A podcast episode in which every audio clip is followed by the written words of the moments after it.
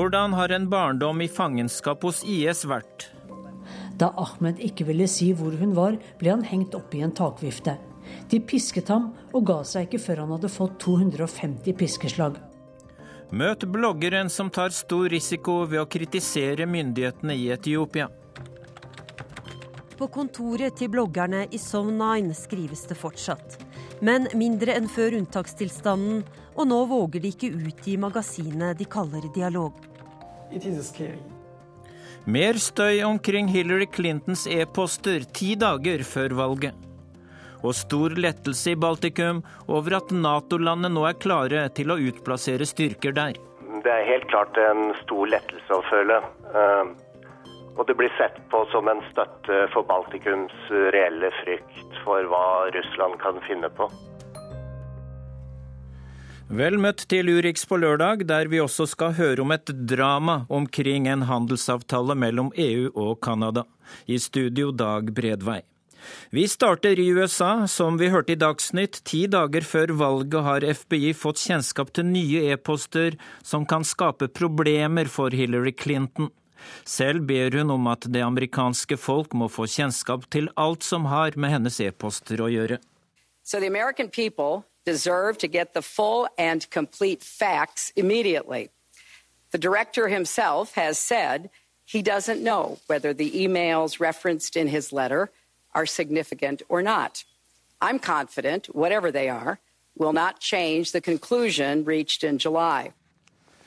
Clinton legger til at hun er overbevist om at FBI ikke kommer til å konkludere annerledes enn i juli, da FBI besluttet at hun, at hun ikke skal straffeforfølges. Det er natt i USA nå. Reporter Anders Tvegård sa dette om Hillary Clintons videre reaksjon tidligere i dag. Det tok eh, mange timer før hun kommenterte dette, men mot eh, slutten av fredagen her så innkalte hun pressen for å si at eh, det amerikanske folket fortjener å få fullt innsyn og detaljer umiddelbart. Hun er redd for at dette kan skade kampanjen hennes ti dager før amerikanerne stemmer, og ber FBI komme med ut utdypende opplysninger om hva de nå etterforsker. Hun trekker fram at FBI-sjefen ikke er klar på om han vet om de nyoppdagede e-postene er viktige eller ikke. Clinton eh, sier at hun er trygg på at FBIs gjennomgang ikke vil endre byråets konklusjon om at hun eh, ikke skal straffeforfølges. Hvilke reaksjoner er kommet fra republikanerne? Dette har gitt republikanerne ny energi og, og, nytt håp. Partiet har snudd eh, ressursene, pengestrømmen, til eh, kampen om å beholde flertallet i Senatet. Men flere som har vært pessimister på vegne av egen presidentkandidat, ser nå ut til å få en eh, vitamininnsprøytning. Reaksjoner fra republikanske politikere på fjernsyn og sosiale medier er at FBI ikke ville ha åpnet en granskning om det ikke var mistanke om noe alvorlig. Medlemmer av den republikanskstyrte komiteen i Senatet for innenrikssikkerhet ber eh, FBI-sjefen gi dem en brief før valget. Samtidig skrev FBI-direktøren i brevet til Kongressens ledere at han under ed forpliktet seg til å orientere, og i sommer sa at etterforskningen var over. FBI anbefalte ikke Justisdepartementet å ta ut tiltale. Det viser seg å, å være feil. De nye e-postene kan være relevante, skriver han, men de trenger tid på å gjennomgå dem for å se om eh, de inneholder noe straffbart. Eh, hvor kommer de nye e-postene fra? De dukket opp under en annen etterforskning eh, av den separerte ektemannen til Clintons nære rådgiver Uma Abedin. Hun og um, Anthony Weiner har brukt samme datamaskin. Og da den ble beslaglagt pga. anklager om at han sendte seksuelt innhold til mindreårige, dukket også e-poster fra Abedin til Clinton opp. Materiale som ikke tidligere har blitt gjennomgått eller funnet på Clintons private e-postserver. FBI sier at eh, de ikke vet hvor lang tid denne granskningen tar. Eh, hva betyr eh, dette for valgkampinnspurten nå, Anders Tvegård? Det ses på som en ny oktoberoverraskelse i en presidentvalgkamp som har vært eh, uforutsigbar. En nyhet som kan endre utfallet og oppfatningen velgerne har av Clinton. Hun må igjen svare på spørsmål om håndtering av klassifisert materiale. Samtidig så har e-postskandalen versert eh, her i mediene i halvannet år. Det var tema i nominasjonsvalget. Men de eh, stadige dryppene er skadelig for Clintons omdømme. Trump bruker det for alt det er verdt. Han mener hun er uærlig, og vil ikke ha et korrupsjonsnettverk inn i Det hvite hus, som han sier. Det sa Anders Tvegård i Washington. Vi skal tilbake til USA og valgkampen der litt senere i sendingen.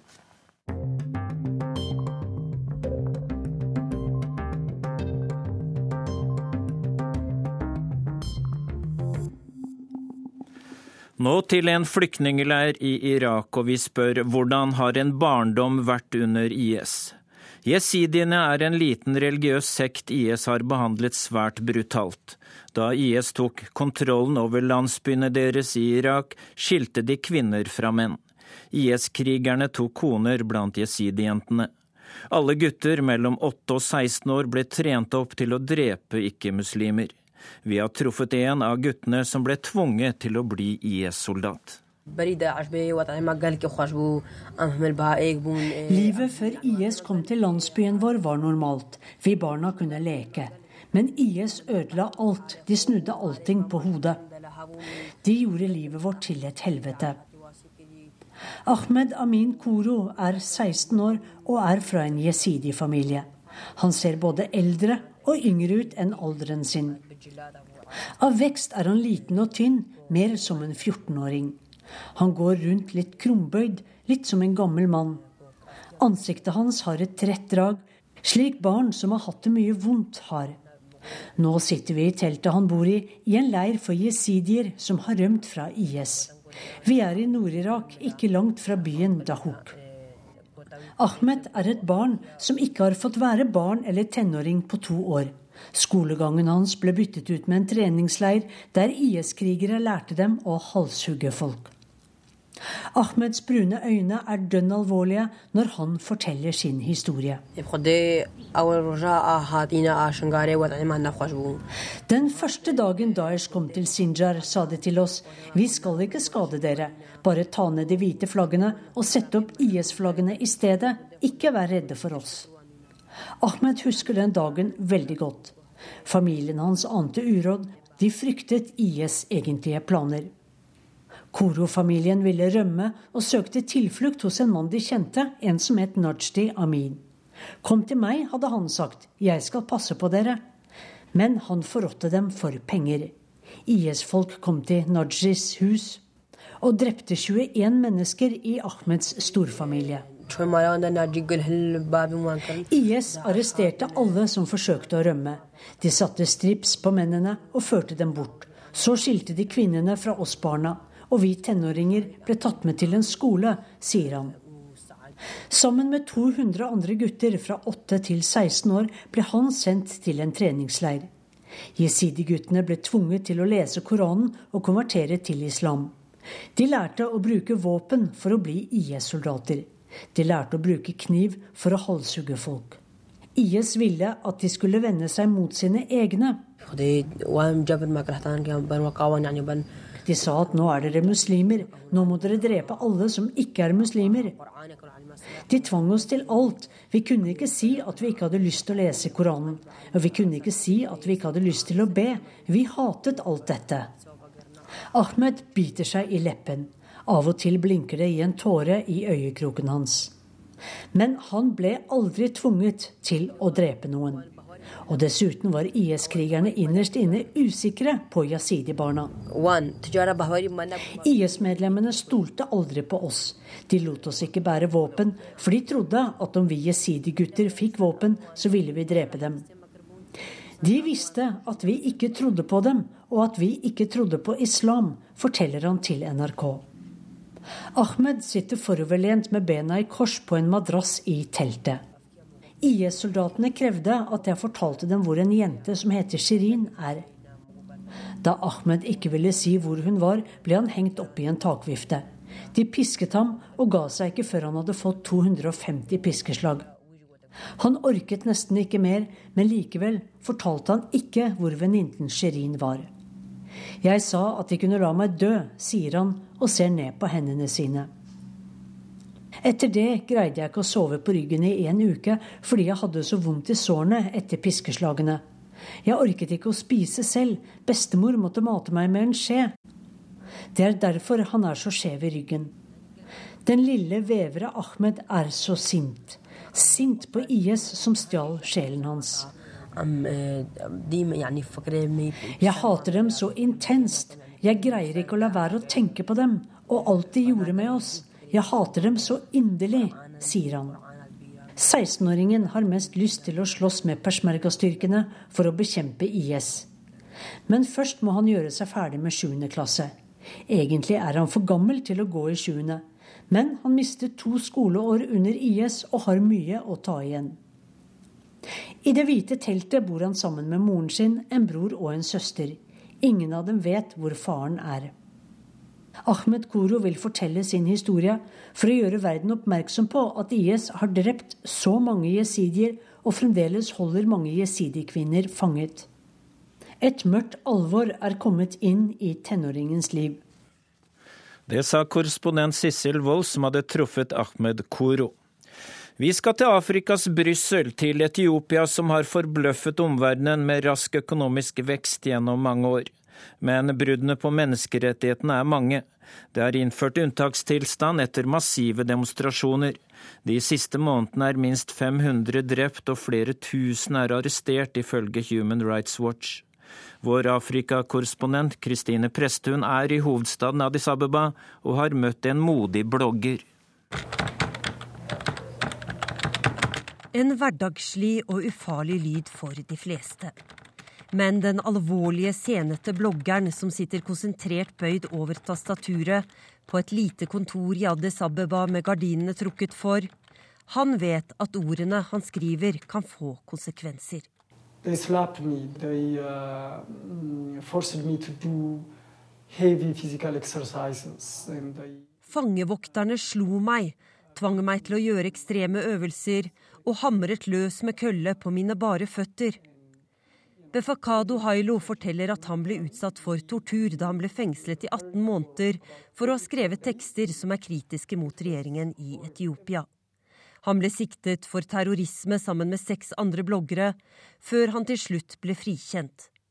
Bloggerne kaller seg for Sone 9, Zone 9. We call it Zone 9. The biggest prison in Ethiopia. It's named Kaliti and uh, it has eight zones.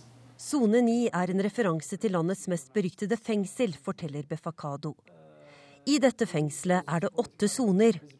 Men når du kommer ut, er det fortsatt som om du lever i et slags fengsel, uten ytringsfrihet og grunnleggende demokratiske rettigheter. Etiopia er som en avdeling av dette fengselet, derav navnet Sone 9, sier han.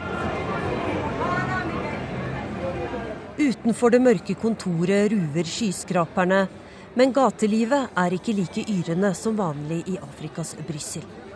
Stemningen er avventende og spent i hovedstaden til Afrikas raskest voksende økonomi. Etter flere måneder med store demonstrasjoner mot regjeringen har Etiopia innført unntakstilstand. Tilgangen til internett er begrenset, Facebook er blokkert, og sikkerhetsstyrkene har fått utvidede fullmakter til å arrestere folk. Etiopia er et eh, svært eh, viktig land for Afrika, for hele verden. Det er 100 millioner mennesker. Eh, det er også vært et land som har vært helt avgjørende for stabiliteten i regionen. Utenriksminister Børge Brende er i Addis Abeba for å møte Etiopias statsminister senere i dag. Han er opptatt av at Etiopia er en garantist for stabilitet på Afrikas Horn og han frykter hva som kan skje nå. Når man ser seg rundt omkring i eh, regionen, så vet man jo hva det kan føre til hvis et eh, land havner i en situasjon hvor de ikke bare blir sårbare, men hvor de faktisk kan komme i en situasjon hvor eh, de kan få veldig, veldig mye usikkerhet og uro. Demonstrantene krever frihet, innflytelse og selvstyre for de etniske gruppene oromo og amhara. De er opprørt over at landet styres av en elite fra en etnisk gruppe som bare utgjør 6% av befolkningen. Myndighetene hevder det er Egypt og Eritrea som står bak protestene.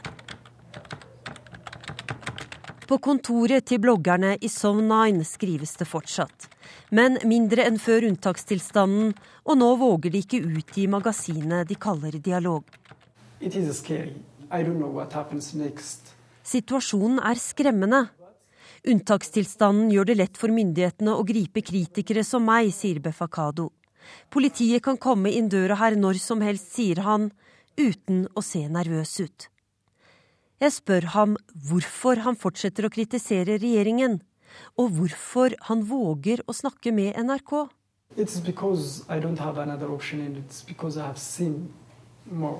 Jeg har ikke noe valg. Jeg har sett så mange overgrep og må gjøre noe for å gi neste generasjon i Etiopia et bedre liv. Jeg kunne valgt stillhet, men jeg har valgt et meningsfylt liv, sier Befakado. My message to the uh, foreign minister of Norway is that Bloggeren utfordrer Børge Brende til å ta opp menneskerettighetssituasjonen i Etiopia når han møter statsministeren senere i dag. En utfordring Brende sier han er rede til å ta. Absolutt. Det er viktig at eh, de eh, ikke bruker uproporsjonale eh, virkemidler og at denne unntakstilstanden som er erklært, ikke brukes som en unnskyldning for å gjennomføre tiltak som ikke står seg når det gjelder internasjonale standarder når det gjelder menneskerettigheter. Og her er det en vei å gå.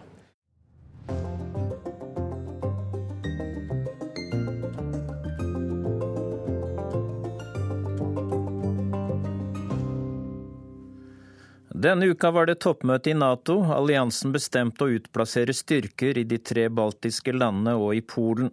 Hele styrken skal på plass innen sommeren neste år, og 200 norske soldater er blant styrken til Litauen. Per Skisaker er president i Den norske klubb i Litauen. Han har bodd 21 år i Vilnius, der han har jobbet innen finans- og eiendomsbransjen og kjenner landet godt. Og jeg spurte ham tidligere om folk i Litauen nå er lettet over at Nato-styrken snart er på vei dit. Ja, det er helt klart en stor lettelse å føle. Eh, og det blir sett på som en støtte for Baltikums reelle frykt for hva Russland kan finne på. Ja, for det er mange i Litauen som er redde for hva Putin og Russland kan gjøre etter det som skjedde i Ukraina nylig? Helt klart. Uh, bare se på hva de holder på med i Ukraina og oppbyggingen av militær tilstedeværelse i Kaliningrad, også med utplasserte atomraketter. Uh, russerne har jo også sagt det høyt og tydelig, at uh, Baltikum står høyt på listen over områder de vil ta tilbake. Eh, spørsmålet faktisk som mange litauerne stiller seg, er hvis, hva hvis Russland angriper? De har vel ved mange anledninger sagt eh, at de vil ta tilbake de gamle sovjetstatene som de mistet i begynnelsen av 1990-årene. De har vel eh, også nevnt en del ganger at Baltikum er helt klart på den listen.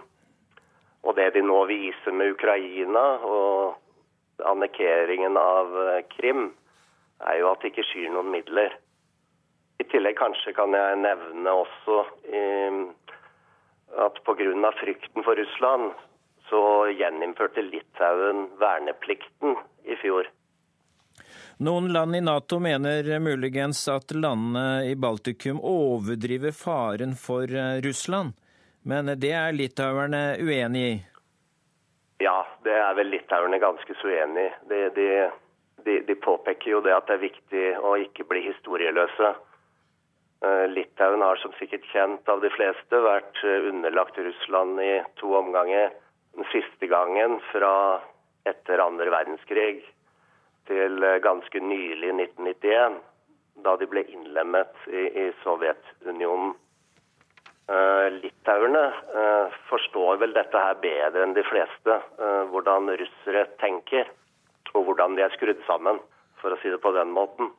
og de har bedt om nære Nato-tilstedeværelse i, mange, mange år nå. Per Skissaker, er det mange i Litauen som mener at Nato har brukt altfor lang tid på å bestemme seg for denne utplasseringen av styrker i Baltikum? Det er vel mer en høy på tide-reaksjon. At nå hadde ikke Nato noe annen utvei for å beholde troverdigheten. Det er vel det som er gjengangeren, uh, som jeg ser det. Eh, per Skisaker, du er president i Den norske klubb i Litauen, har altså bodd i landet i 21 år og, kjenner forholdene veldig godt. og Er et tema også noe nordmenn bosatte i Litauen er opptatt av? Ja, det er vel helt klart. Det har blitt og blir diskutert innimellom når vi treffes. Noen tar det jo mer alvorlig enn andre og har planlagt sine fluktruter i tilfelle russerne kommer. Og en jeg kjenner, har til og med gått til innkjøp av nødrasjoneringer. Men det må jo sies at det finnes også de som synes at det blir overreagert med de klassiske spørsmålene om hvorfor Putin vil ta lille Litauen og erte på seg Nato. Det sa Per Skisaker i Vilnius. Morten Jentoft, korrespondent i Moskva. Og sett fra Russland, er det noe reelt i den frykten som vi her hører om i de baltiske land? Så russiske myndigheter har eh, gjort det helt klart at de overhodet ikke har noen territorielle krav overfor eh, de baltiske land. og Derfor så sier de det at de ser på det som uforståelig at eh, de baltiske land nå da altså tar imot permanente, som man sier da på russisk side, da, Nato-styrker. Og Fra russisk hold så har det blitt sagt at dette er et ledd i en lang strategi fra Natos side, der man flytter frontlinjen nærmere og nærmere Russland. Og der Russland altså ut ifra en militær trussel, som man ser det fra russisk side, da, er nødt til å svare på dette. Eh, vi hørte Per Skisaker i Vilnius snakke om eh, historikken her, at de var underlagt Sovjetunionen. Så, men kan man forstå den frykten mange Litauen føler? Det er klart at man kan ut ifra historiske årsaker forstå det. Vi vet jo hva som skjedde i, i 1940, da um, eh, Sovjetunionen, som landet het den gangen, da, eh, tvang de baltiske landene tilbake til Russland. Disse landene hadde jo vært en del av eh, tsar-Russland i, i, flere hundre år før eh, dette. Eh, vi vet jo også at eh, Russland flere ganger har spilt på de store russiskspråklige minoritetene i eh, de baltiske land, eh, som man fra russisk side da hele tiden sier er utsatt for undertrykkelse, at eh, man ikke gjør nok for å sikre deres rettigheter, bl.a. ved å gi dem statsborgerskap, rett til utdannelse på eget språk eget eh, språk. Eh, sånn at eh, Dette er jo ting som gang på gang blir fremmet fra russisk side, og som da igjen i Baltikum da blir oppfattet som et forsøk på indre innblanding, og som i en skjerpet situasjon da igjen kan gjøre, mener man fra baltisk hold, da det aktuelt at Russland vil kreve at disse landene skal igjen bli en del av, av, av, av Russland. Er Russland allerede i full gang med å sette i verk militære mottiltak i forhold til denne Nato-utplasseringen nå? Ja, det har vi jo sett uh, senest den siste uken, uh, da disse to uh, riktignok veldig små korvettene av typen Bojan M gikk inn i Østersjøområdet uh, via stredene i Danmark. Disse små krigsskipene er jo utstyrt med moderne, langtrekkende kryssermissiler. og Militære eksperter mener det at dette er et klart svar fra Russlands side på det som man ser på som en militær oppbygging fra Nato da i øst Østersjøen. I tillegg så, så vi jo også at uh, Russland igjen da um, uh, overførte disse Iskander M-rakettene rakettsystemene til Kaliningrad, enklaven som jo ligger mellom Polen og Litauen. Um, Alt dette er jo eksempler på, på en, en, en, russisk militær oppbygging i, i, dette området. Og I tillegg så vet vi jo at uh, Russland lenge har ønsket å uh, opprette en flymilitærbase i Hviterussland, som jo også grenser til Litauen. Takk skal du ha, Morten Jentoft, direkte med oss fra Moskva.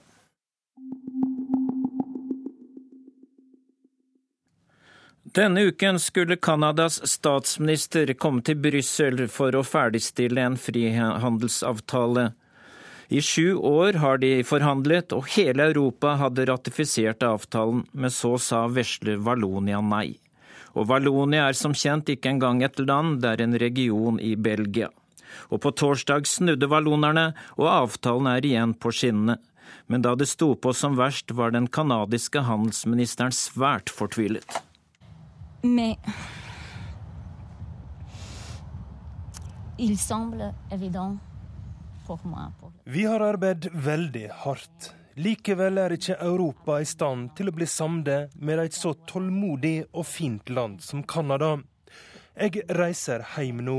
Dette er veldig trist, sa en tydelig skuffa canadisk handelsminister før fredag. Et je suis très, très triste, vraiment. For hele Europa støtter frihandelsavtalen CETA, bortsett fra én fransktalende region i Belgia. Vesle Valonia la ned veto. Il y a eu, il y aura eu un moment CETA dans la vie démocratique wallonne. Qui aurait pu imaginer ça? Vi har opplevd et seta-momentum i det vallonske demokratiet, sa ministerpresidenten i Vallonia, Paul Magnet. Han talte til det regionale parlamentet etter at Vallonia etter enormt press gikk med på avtalen. Bedre betingelser til Vallonia. Belgiske Veronique Poyard arbeider ved Universitetet i Oslo. Hun har studert sammen med Magnet, og forteller han hadde et viktig krav. Å ha dommer som skal ikke komme fra bedriftsområdet. Også som skal ha veldig god etisk, veldig høy etisk standard. Men hvorfor har vesle Vallonia så mye makt? Stratfor-analytiker George Friedman hevder han har svaret. Geopolitikk fra Napoleonkrigene har stått opp fra grava for å regjere Europa, hevder Friedman i en kommentar. Save my soul from evil, Lord, and heal this soldier's heart. I'll trust in thee to keep me, Lord, I'm done with Bonaparte. Sjøl en moderne artist som Mark Knofler synger om traume etter napoleonskrigene. Og det var nettopp dette traumet som skapte staten Belgia. De belgiske havnene, med Antwerpen i spissen, var en strategisk trussel mot de britiske øyene og kanalen. Britene pressa på for å danne en nøytral stat mellom Frankrike og Nederland.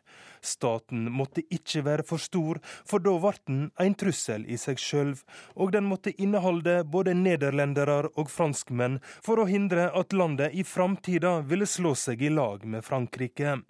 Det handla om maktbalansen i Europa da stormaktene skapte Belgia under en konferanse i London i 1830.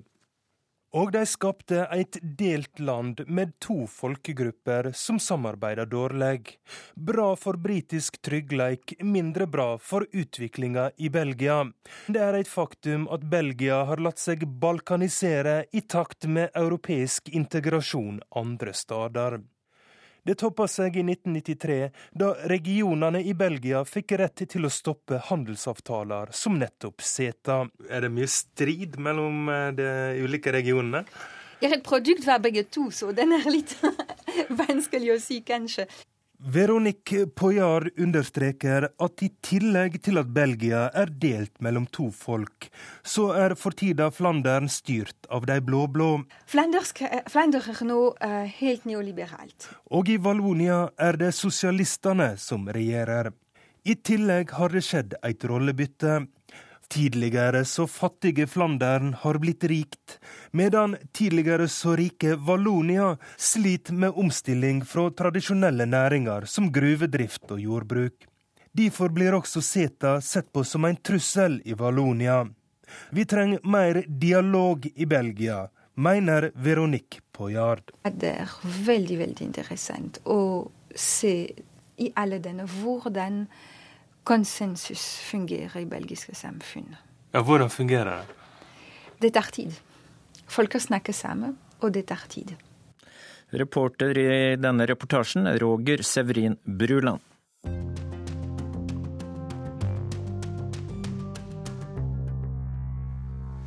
Vi skal tilbake til USA her i Urix på lørdag. Hillary Clinton blir ofte beskrevet som hauken i amerikansk utenrikspolitikk sammenlignet med president Barack Obama.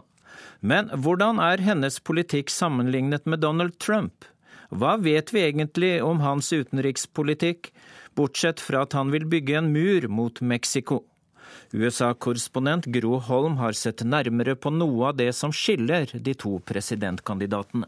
I don't know Putin. He said nice things about me. If we got along well, that would be good.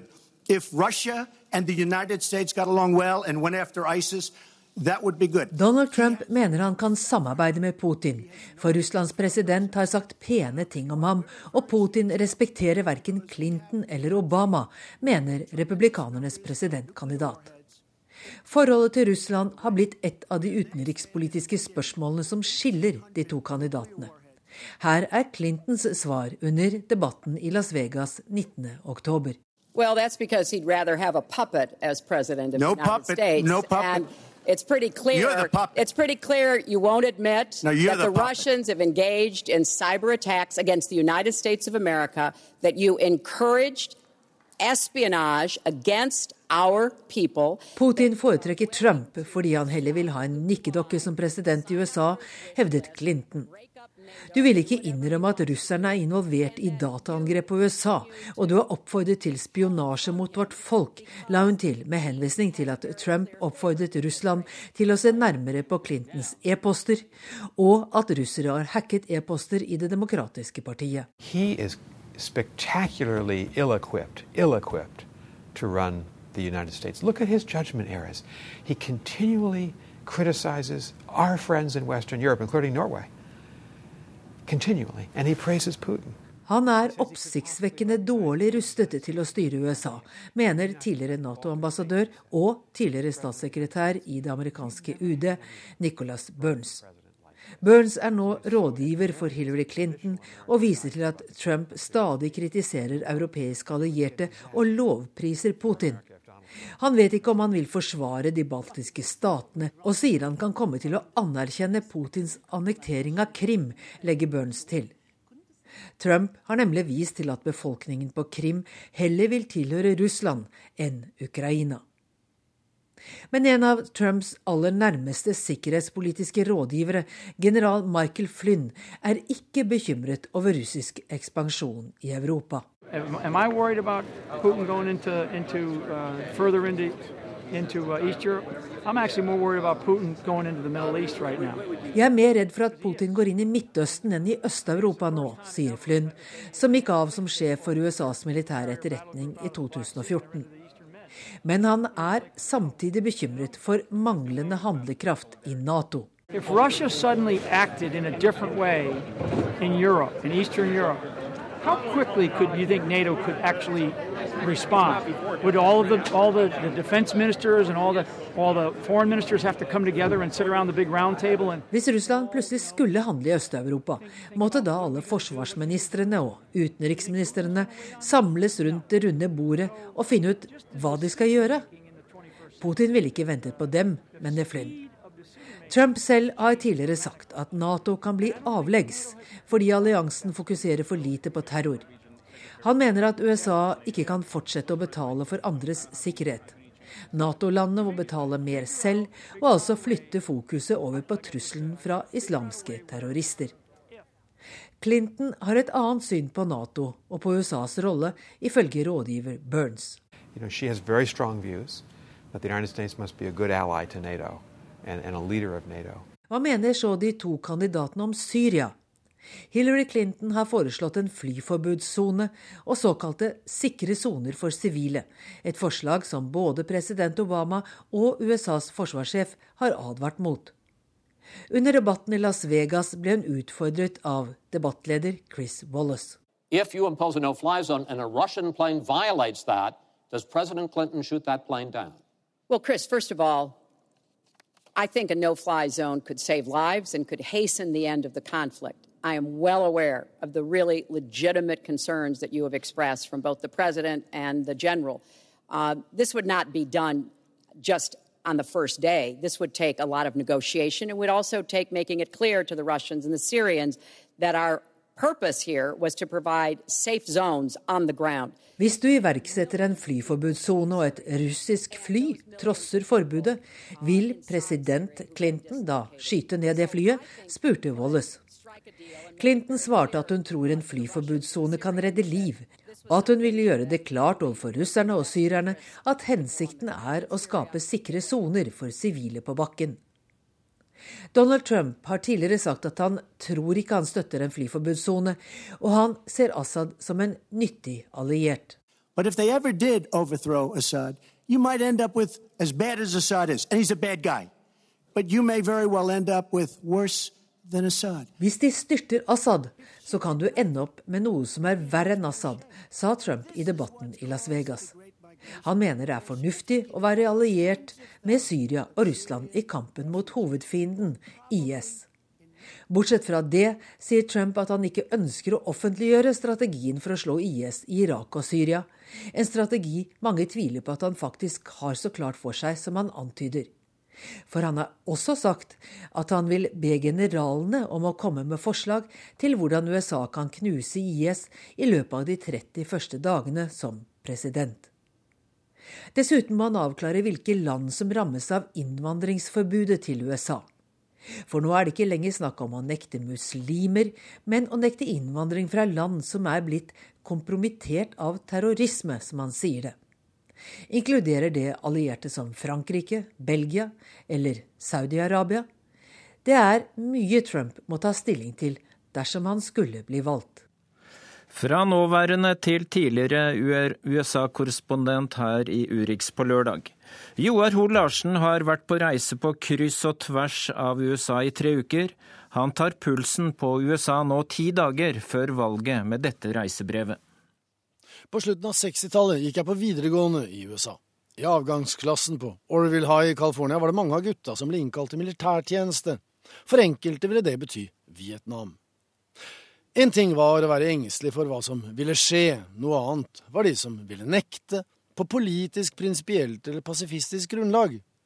Noen tok konsekvensen av sine standpunkt, og de brente sine vernepliktsbøker, deserterte, i hvert fall rent militærjuridisk, og dro til blant annet Canada og Sverige for å slippe unna. Etter nylig å ha tilbrakt tre uker i USA er det nå den samme holdningen som gjelder, dog med mindre alvor og et lite glimt i øyet, men galgenhumoren rår. Vinner Trump, så flytter jeg, sa venner og bekjente. Vi har nå en slags venteliste på sokkelleiligheten vår, for å si det sånn. De to kandidatene er upopulære. Akkurat den kampen vinner nok Donald Trump, men Hillary Clinton er også meget sterkt og aktivt mislikt av millioner, så det er ikke mye å feire for henne heller. Men det går an å ha et dårlig avstandsforhold til en man ikke kjenner. Livet går sin gang, man kan skifte kanal, bla videre, gå på en annen kino eller holde med et annet lag, ikke plag meg, liksom. Og Hillary Clinton har vært der alltid faktisk, for ganske mange har vært mislikt av millioner i alle de rollene hun har hatt. Med henne, i Det hvite hus, blir det litt business as usual. Med Donald Trump er det annerledes. Han jakter aktivt på misbilligelse og dårlig stemning, slik i hvert fall mange ser det. Han driver oppsøkende ikke lik meg-politikk med sine utfall, sine utsagn og sine utskjellinger, og mange tar ham på ordet. Også han er med andre ord mislikt av store grupper.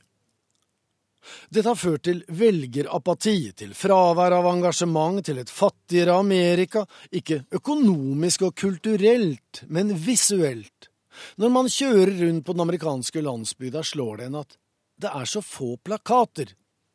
Riktignok er det en del House for Sale og noen lokale McBride for Commissioner, Tulpin for Sheriff og Van Camp for Congress eller lignende, men svært få Trump-Pence-plakater. Og Hillary Kane-skilt ser man knapt nok på noen av disse plenene. Ikke Virginia engang, visepresident Kanes hjemstat. Til og med i Brooklyn, der gatebildet preges av parkerte Volvoer, et sikkert tegn på at du stemmer demokratisk, er støtfangerne uten politisk støtte til den demokratiske kandidaten. På Subwayen i New York og metroen i Washington DC sitter søvnige passasjerer, dog uten politiske valgbuttons på jakkekragen, og bruker de caps, er det med Yankees-symbolet. De bærer i hvert fall ikke en Make America Great Again-lue. På TV ruller reklamer med dystre budskap. Verden vil gå under hvis motstanderen vinner, er essensen av budskapet, som alltid avsluttes med kandidatens navn og I approved this message. Ingen blir glade av slike fremtidsperspektiver, og det virker ikke spesielt mobiliserende heller. Amerikanske velgere er i villrede. Hva har skjedd, spør de. Hvordan havnet vi her? I to av de tre TV-debattene kunne ikke engang de to kandidatene håndhilse på hverandre. Hva slags folkeskikk er det? Hva slags rollemodeller er disse kandidatene, spør amerikanerne seg. Tenk om barn ser på. Og hvordan skal de håndtere Putin når de ikke engang klarer å hilse på en politisk motstander på hjemmebane? I USA ser de nå tilbake på valget i 1912, altså for drøyt 100 år siden, sist gang det også var dårlig personkjemi og uro i rekkene. Og så snakker de om valget i 2000, da Al Gore fikk flest stemmer, men Høyesterett bestemte at George Bush var den endelige valgvinner. Vi trodde det var kaos og krise den gang for 16 år siden. Nå mimrer amerikanerne om 2000-valget og lengter tilbake til en fastlåst situasjon, men der de to kandidatene opptrådte hederlig og redelig, krangel og kritikk til tross. Bush og Gore hylles og hedres, ikke nødvendigvis i seg selv, men sammenlignet med årets situasjon, nå bare ti dager før valget. Så når George Bush-nostalgien er på stigende kurs, og valget i år 2000 minnes med et visst vemod, ja, da har man sagt mye om valget i 2016. I fjor var verdens øyne rettet mot Baltimore og opptøyene der etter drapet på Freddie Gray. Siden da er mye blitt verre i en av USAs fattigste og farligste byer. Ingen andre steder er overdosedødsfallene så mange. Både Donald Trump og Hillary Clinton er enige om at USA har et stort narkotikaproblem. Men hvordan de har tenkt å løse det, kunne ikke vært mer forskjellig. I'm Janet. My name is Janet. How you doing, sweetie? My name Bass. How you doing, Ray Ban? This man, I'm walking with this man. He's doing a um a story. It's all right. He want to know if he can take a picture and talk to you. Okay. No pictures allowed up here. That's why I asked for you for your consent, babe. We ain't disrespecting you or nothing. That's why I asked for your consent. Yeah, I like that. You always ask for people consent, right? All right. Janet Bailey viser oss rundt i West Baltimore. Her tar unge gutter kontakt med hvem som helst for å kunne selge litt billig heroin. You heard him when he came across the street when he opened his mouth and said, Yeah. selling something, right? Mm-hmm. Okay. He was looking for customers. Yeah, and the, and the thing about it, it's like they don't care who they saying it to. They don't know if I was a cop, you was a cop, or what. You know. They don't care. Right. It's all about that money. He couldn't have been no more than 18, 19. He, they don't look no older than that. Janet har bodd her nesten hele livet, og hun har sett mange nedturer på nært hold. Og for noen år siden gikk det fra vondt til verre. When it hit 2000 something, it seemed like the area just went crazy. The drugs was just coming in. It was just the pills was a new thing to come aboard. You know, and more and more young people was getting into the game. På midten av 2000-tallet forandret alt seg. Da kom pillene, og de som solgte, ble yngre og yngre. Oh, wait, there's a guy bringing a trash can with fire. I'm not sure what this is about. Nate, do you see that guy? Oh my gosh, he's gonna hurl that police! I aprildagene i fjor er Baltimore på kokepunktet, og alt handler om drapet på 25 år gamle Freddie Gray. Den småkriminelle svarte mannen som døde av nakkeskaden han fikk da politiet arresterte han for å gå rundt med en springkniv. En av USAs fattigste og farligste byer er i ferd med å knekke helt sammen. Nå, halvannet år senere, har ting roet seg, men mye er ved det samme. Forlatte og falleferdige hus, åpent salg av narkotika og kriminalitet. West Baltimore er så absolutt ikke stedet du beveger deg ute om kvelden. Og mange har samme livshistorie som Fred. Well, I started selling first. I was 12. And I started using when I was about in between 12 and 13, but it wasn't crack. I was selling crack. I was smoking PCP with heroin at 13 and selling crack. Han begynte å selge narkotika da han var 12, og begynte å bruke heroin da han var 13. Og som mange andre så prøver han å slutte. For tilbake til vårdagene i 2015 blir gatene her oversvømmet av kunstig dop. Heroinet blir blandet ut med fentanyl fra de mange apotekranene. En svært dødelig kombinasjon på mange måter. Og en av de som ser dette hver eneste dag, er lederen for det frivillige rehabiliteringssenteret Turk House. Hi, my name is Kevin Tyler, and I'm the executive director of Turk House. Her opplever de nå en stor økning av folk som ønsker å komme seg bort fra gata. I mean, we've, we've always had a heroin issue in Baltimore. Uh, but what's really different now are the high rates of, of overdose. Baltimore har alltid hatt et stort heroinproblem, men pga. de mange nye syntetiske stoffene som heroinet blir blandet med, så ser vi nå alle disse overdosene, sier Taylor. Maryland har nesten alltid vært en såkalt blå stat, og Hillary Clinton kommer garantert til å vinne her i år også. Og de to presidentkandidatene kunne nesten ikke vært mer uenige om hvordan de vil løse narkotikaproblemet.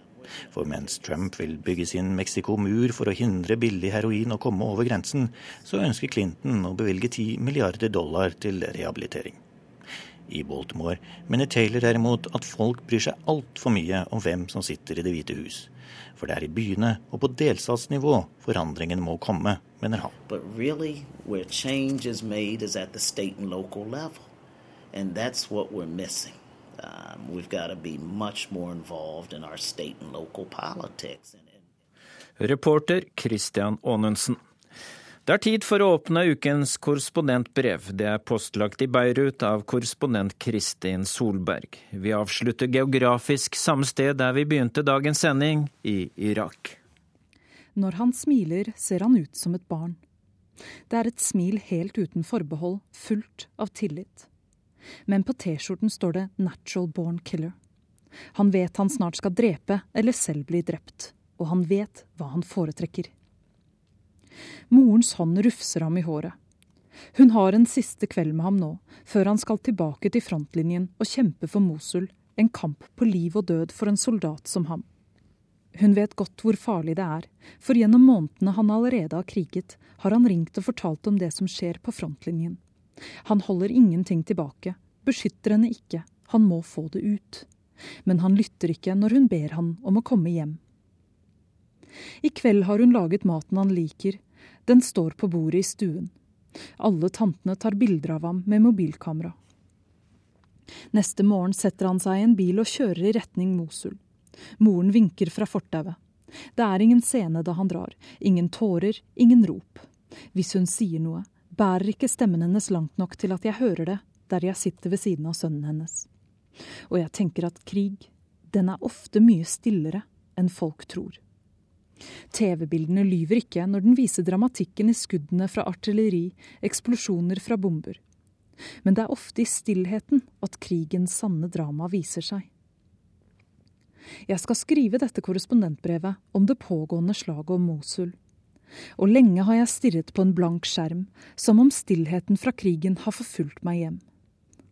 Stillheten mellom kampene, stillheten fra Mosul og stillheten i en mors avskjed med en sønn.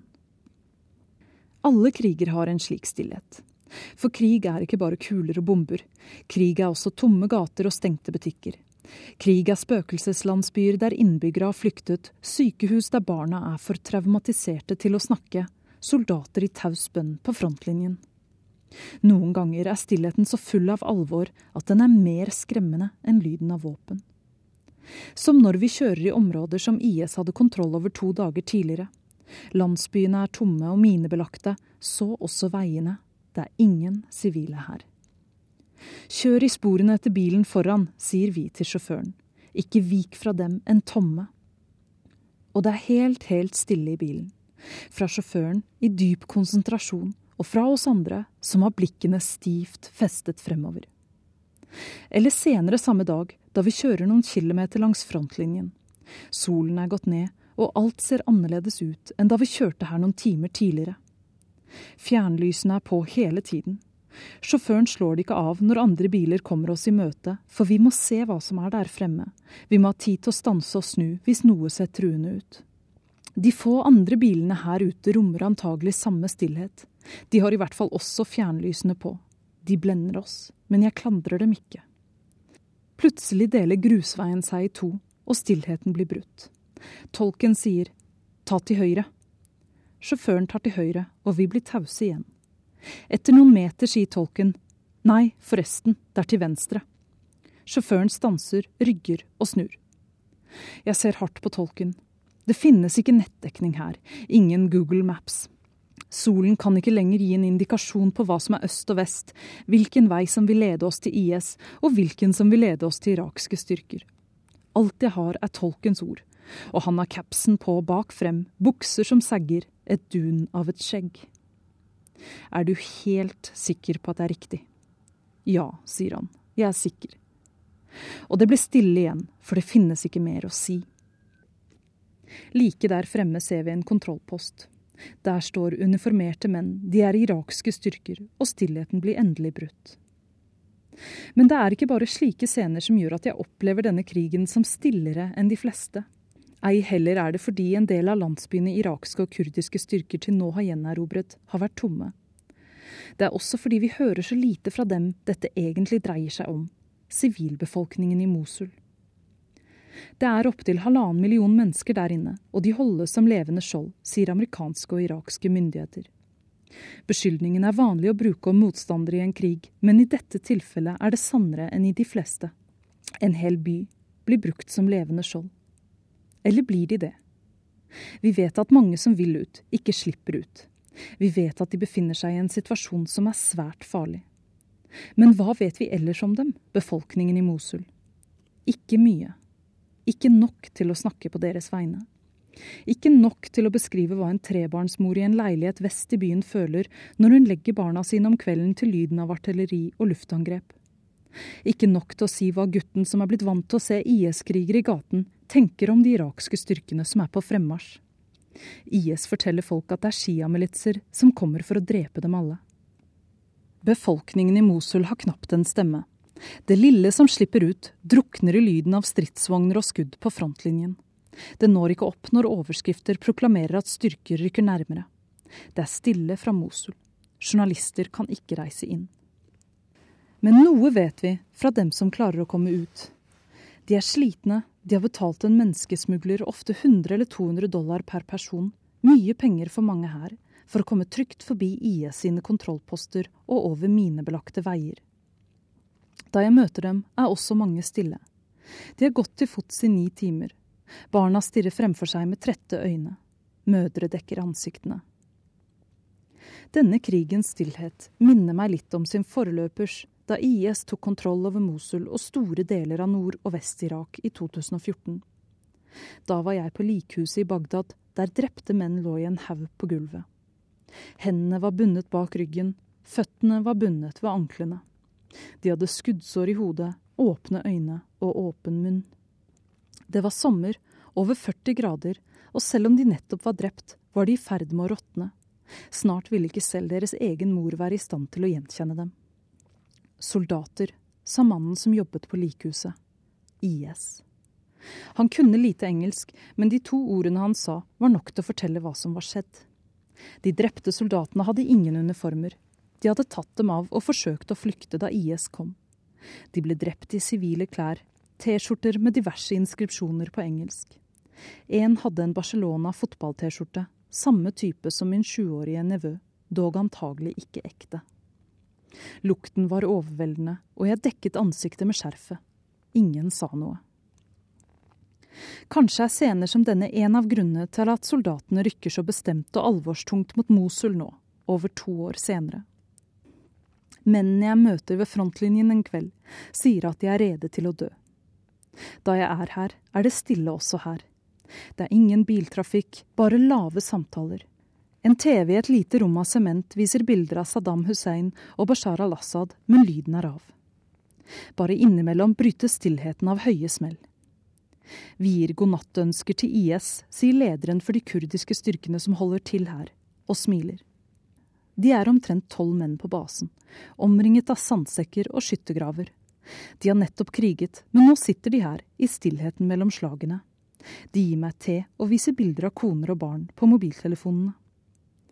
Jeg har mistet en bror i denne krigen, sier den ene.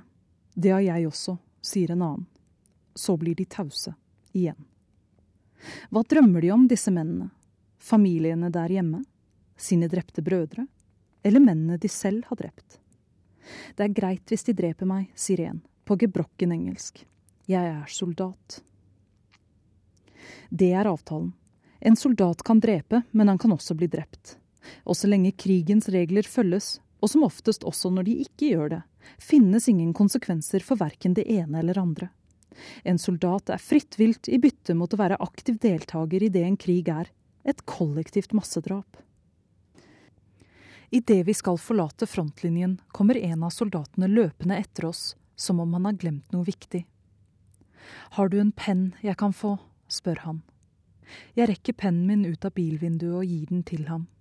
Jeg vil spørre ham hva han skal med den, men det er noe i innstendigheten i blikket hans som sier meg at spørsmålet bør forbli ustilt. Som om også dette er et øyeblikk som fortjener stillhet. Kanskje har han også en mor som har bedt ham om å komme hjem. Urix på lørdag er slutt. En kortversjon sendes i P2 klokka 16.40. Teknisk ansvarlig Frode Thorshaug, produsent Ulf Tannes Fjell og jeg, Dag Bredvei, takker for følget.